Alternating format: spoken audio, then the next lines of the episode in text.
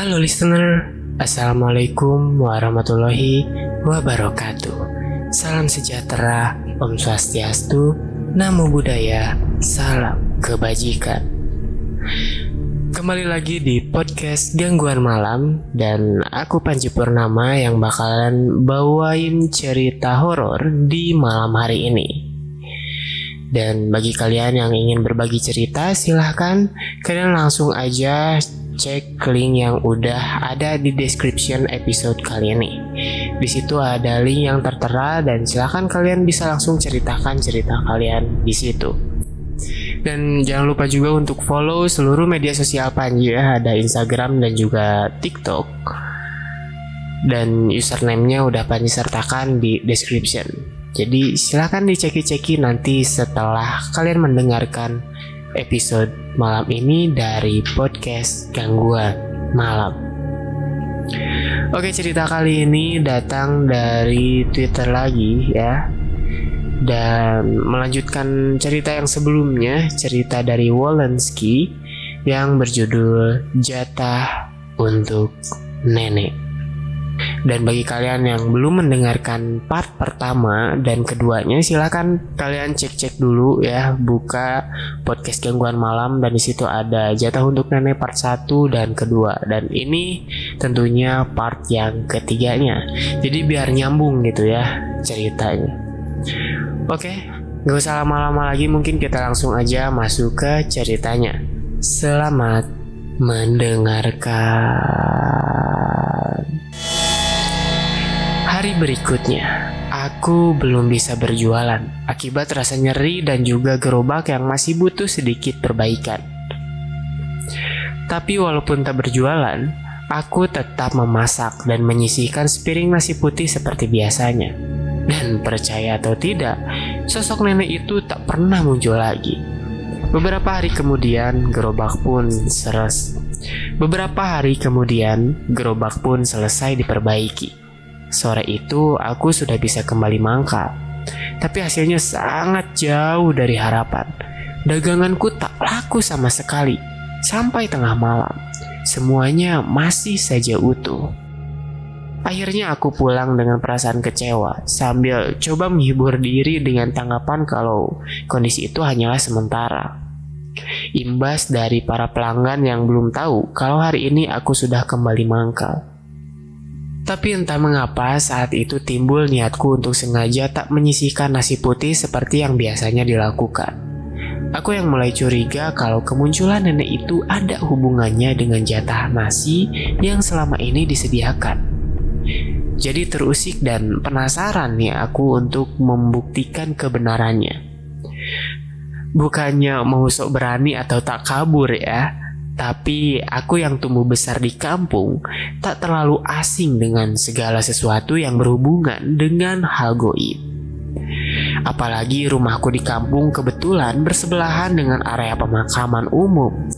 Jadi sejak kecil mentalku sudah terasa dengan sendirinya.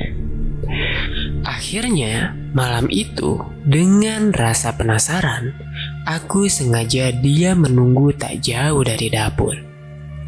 Kupasang mata dan pasang telinga selama beberapa jam selepas tengah malam, sambil harap-harap cemas menantikan kemunculan sosok nenek misterius itu. Tapi setelah lama menunggu, sambil menahan kantuk, sosok nenek misterius itu tak muncul juga. Akhirnya, kuputuskan untuk tidur saja. Walau sebenarnya hati ini masih amat penasaran. Tapi baru saja aku berbalik, Aku langsung tersentak kaget saat mendapati sosok nenek itu tiba-tiba saja sudah ada persis di belakangku. Astaga, masih dalam rasa terkejutku, mendadak dia kembali melayangkan sebuah tamparan keras yang mendarat tepat di wajahku. Aku pun langsung jatuh terjengkal. Bagian belakang kepalaku sampai terbentur lantai dengan kerasnya hingga membuat kepalaku langsung pusing. Lalu segalanya menjadi gelap. Keesokan harinya, seperti kejadian sebelumnya, lagi-lagi aku terbangun dengan posisi masih terlentang di dekat dapur. Kurasakan nyeri di kepala dan juga bagian pipi yang ternyata kembali bengkak membiru. Namun kali ini, badanku jadi terasa meriang, menggigil tak karuan. Akhirnya aku cuma bisa berbaring seharian dan memutuskan untuk libur berdagang. Sepanjang hari di tempat tidur, aku terus memikirkan kejadian tadi malam. Siapa nenek itu? Kenapa dia begitu marah? Apa semua ini benar-benar ada hubungannya dengan jatah nasi atau pantangan dagang dari hari Kamis yang telah aku abaikan tempo hari itu? Namun aku yakin semua itu hanya Mas Dwi yang bisa menjawabnya. Dan aku tak sabar untuk segera menanyakan saat dia kembali nanti. Hingga malam hari, kondisi badanku tak kunjung membaik. Tapi walaupun begitu, aku tetap memaksakan diri untuk memasak nasi dan kembali meletakkannya di sudut dapur. Semua itu sengaja kulakukan karena aku tak ingin mengambil resiko. Walaupun belum pasti kalau kemunculan nenek itu ada hubungannya dengan jatah nasi itu. Namun aku tak bisa membayangkan bila hal itu ternyata benar. Dengan kondisiku yang masih lemas seperti ini, tak tahu apa jadinya. Bila nenek misterius itu benar-benar datang, lalu kembali menamparku dengan kerasnya, pasti hasilnya akan jauh lebih parah. Esok harinya, aku masih demam. Sekujur badan jadi terasa ngilu. Aku pun berniat untuk pergi ke klinik. Tapi belum sempat berangkat, tiba-tiba saja Mas Dwi sudah muncul di depan pintu. Assalamualaikum, ucapnya lantang memberi salam. Waalaikumsalam, wah sudah pulang mas. Jawabku dengan nada gembira. Iya tur, alhamdulillah anakku udah sembuh. Urusan di sana juga udah rampung. Gimana dagangannya? Lancar? Aku tak langsung menjawab. Mas Dwi jadi sedikit heran melihatku termenung dengan kondisi tubuh yang lemas dan layu. Kamu kenapa, Tur? Kamu sakit? Uh, iya, Mas. Sejak semalam aku demam. Gak tahu kenapa. Tapi semalam aku mengalami kejadian aneh. Kejadian apa? Akhirnya aku ceritakan tentang semua yang terjadi selama dia pergi tentang aku yang sempat lalai menyajikan nasi, dan tentang aku yang tetap jualan pada hari Kamis, hingga akhirnya diserempet mobil, dan juga tentang kemunculan nenek misterius yang dua kali setelah menamparku. Ya ampun Tur, kenapa sampai begitu? Harusnya semua itu jangan sampai kamu langgar. Ya beginilah akibatnya. Ucap Mas Dwi setelah mendengarkan semua ceritaku barusan. Uh, sebenarnya ada apa sih mas? Tolong kasih tahu saya. Mas Dwi sesaat diam. Dia seolah sedang menimbang-nimbang. Tapi akhirnya dia mau menceritakan tentang segala sesuatu yang selama ini dirahasiakan. Nenek itu namanya Nyilasem. Dia adalah wujud makhluk yang selama ini jadi penglaris daganganku. Ya Allah, penglaris mas? Sahutku terkejut. Iya, penglaris kecil-kecilan. Gak bisa bikin kaya. Yang penting jualan jadi lancar aja. Gak minta syarat macam-macam. Apalagi pakai tumbal segala. Dulu saat mulai berdagang, daganganku itu selalu sepi pembeli. Akhirnya aku memutuskan untuk pulang kampung, berniat mencari bekal penglaris. Kebetulan di sana juga ada seorang dukun yang bisa membantu. Nah, dukun itu lalu membawaku pergi ke sebuah makam keramat gitu. Yang konon katanya kalau kita meminta berkah dari sana, dagangan kita akan jadi laris. Dan syaratnya juga cukup mudah. Kita cuma diharuskan bersemedi di makam itu dengan membawa sejumlah sesaji ditambah dagangan yang akan kita jual nanti. Dan bila nanti sosok penjelas muncul lalu mengambil sesaji dagangan kita, itu artinya niat kita terkabul. Nah, kalau sudah begitu, tetap ada berlaku dan pantangan-pantangan yang harus dijaga sesuai petunjuk si dukun. Setiap hari kita harus menyisihkan dagangan kita sebagai jatah untuk nyelasem. Dan juga ada hari pantangan di mana kita dilarang untuk berdagang.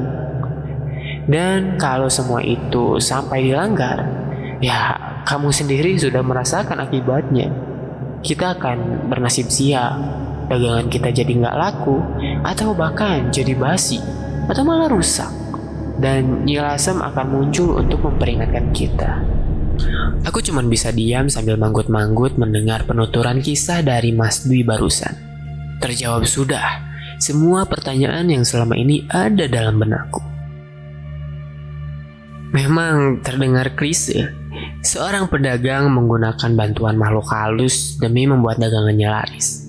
Tapi hal itu jadi sesuatu yang wajar, karena memang sudah sering ku dengar kisah serupa dan bahkan kali ini diriku mengalaminya sendiri. Dan begitulah, sejak saat itu aku terus membantu Mas Dwi untuk berdagang. Hingga pada suatu kesempatan, dia mendorongku untuk membuka usaha milikku sendiri. Tentu saja, aku cuma bisa tertawa karena aku merasa tak punya modal apa-apa. Tapi aku jadi terdiam saat Mas Dwi bilang kalau dia bersedia meminjamkan modal. Betapa baiknya orang yang satu ini. Dia menyarankanku untuk menyewa sebuah kios kecil yang letaknya tak jauh dari lokasi dia berdagang. Dia juga menyarankan agar aku membuka warung makan kecil-kecilan di situ. Kenapa warung makan?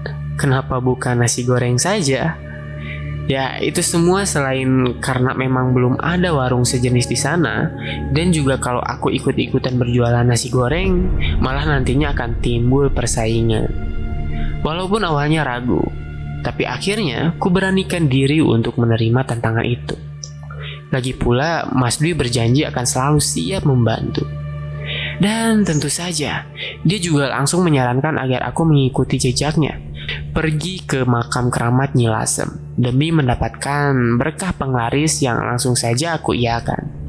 Setelah segalanya siap dengan perhitungan yang matang, kami pun berangkat ke sana untuk menemui sang dukun.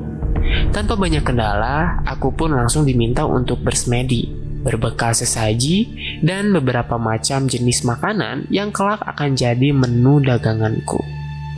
Setelah nyaris semalaman bersemedi, akhirnya yang ditunggu-tunggu pun muncul juga. Nyilasem. Ya, Nyilasem hadir dengan wujudnya yang menyeramkan dan langsung menghampiriku. Jantungku langsung berdebar-debar, bersamaan dengan keringat dingin yang keluar dari pori-pori. Harap-harap cemas sebenarnya dengan apa yang akan dia lakukan. Tapi kali ini Nyilasem datang bukan untuk menampar wajahku, melainkan untuk menengok dan langsung menyicipi segala macam jenis menu yang memang sengaja disediakan lalu akhirnya pergi menghilang. Demi mendapatkan hasil itu, aku pun jadi senang. Mas Dwi pun juga ikut senang.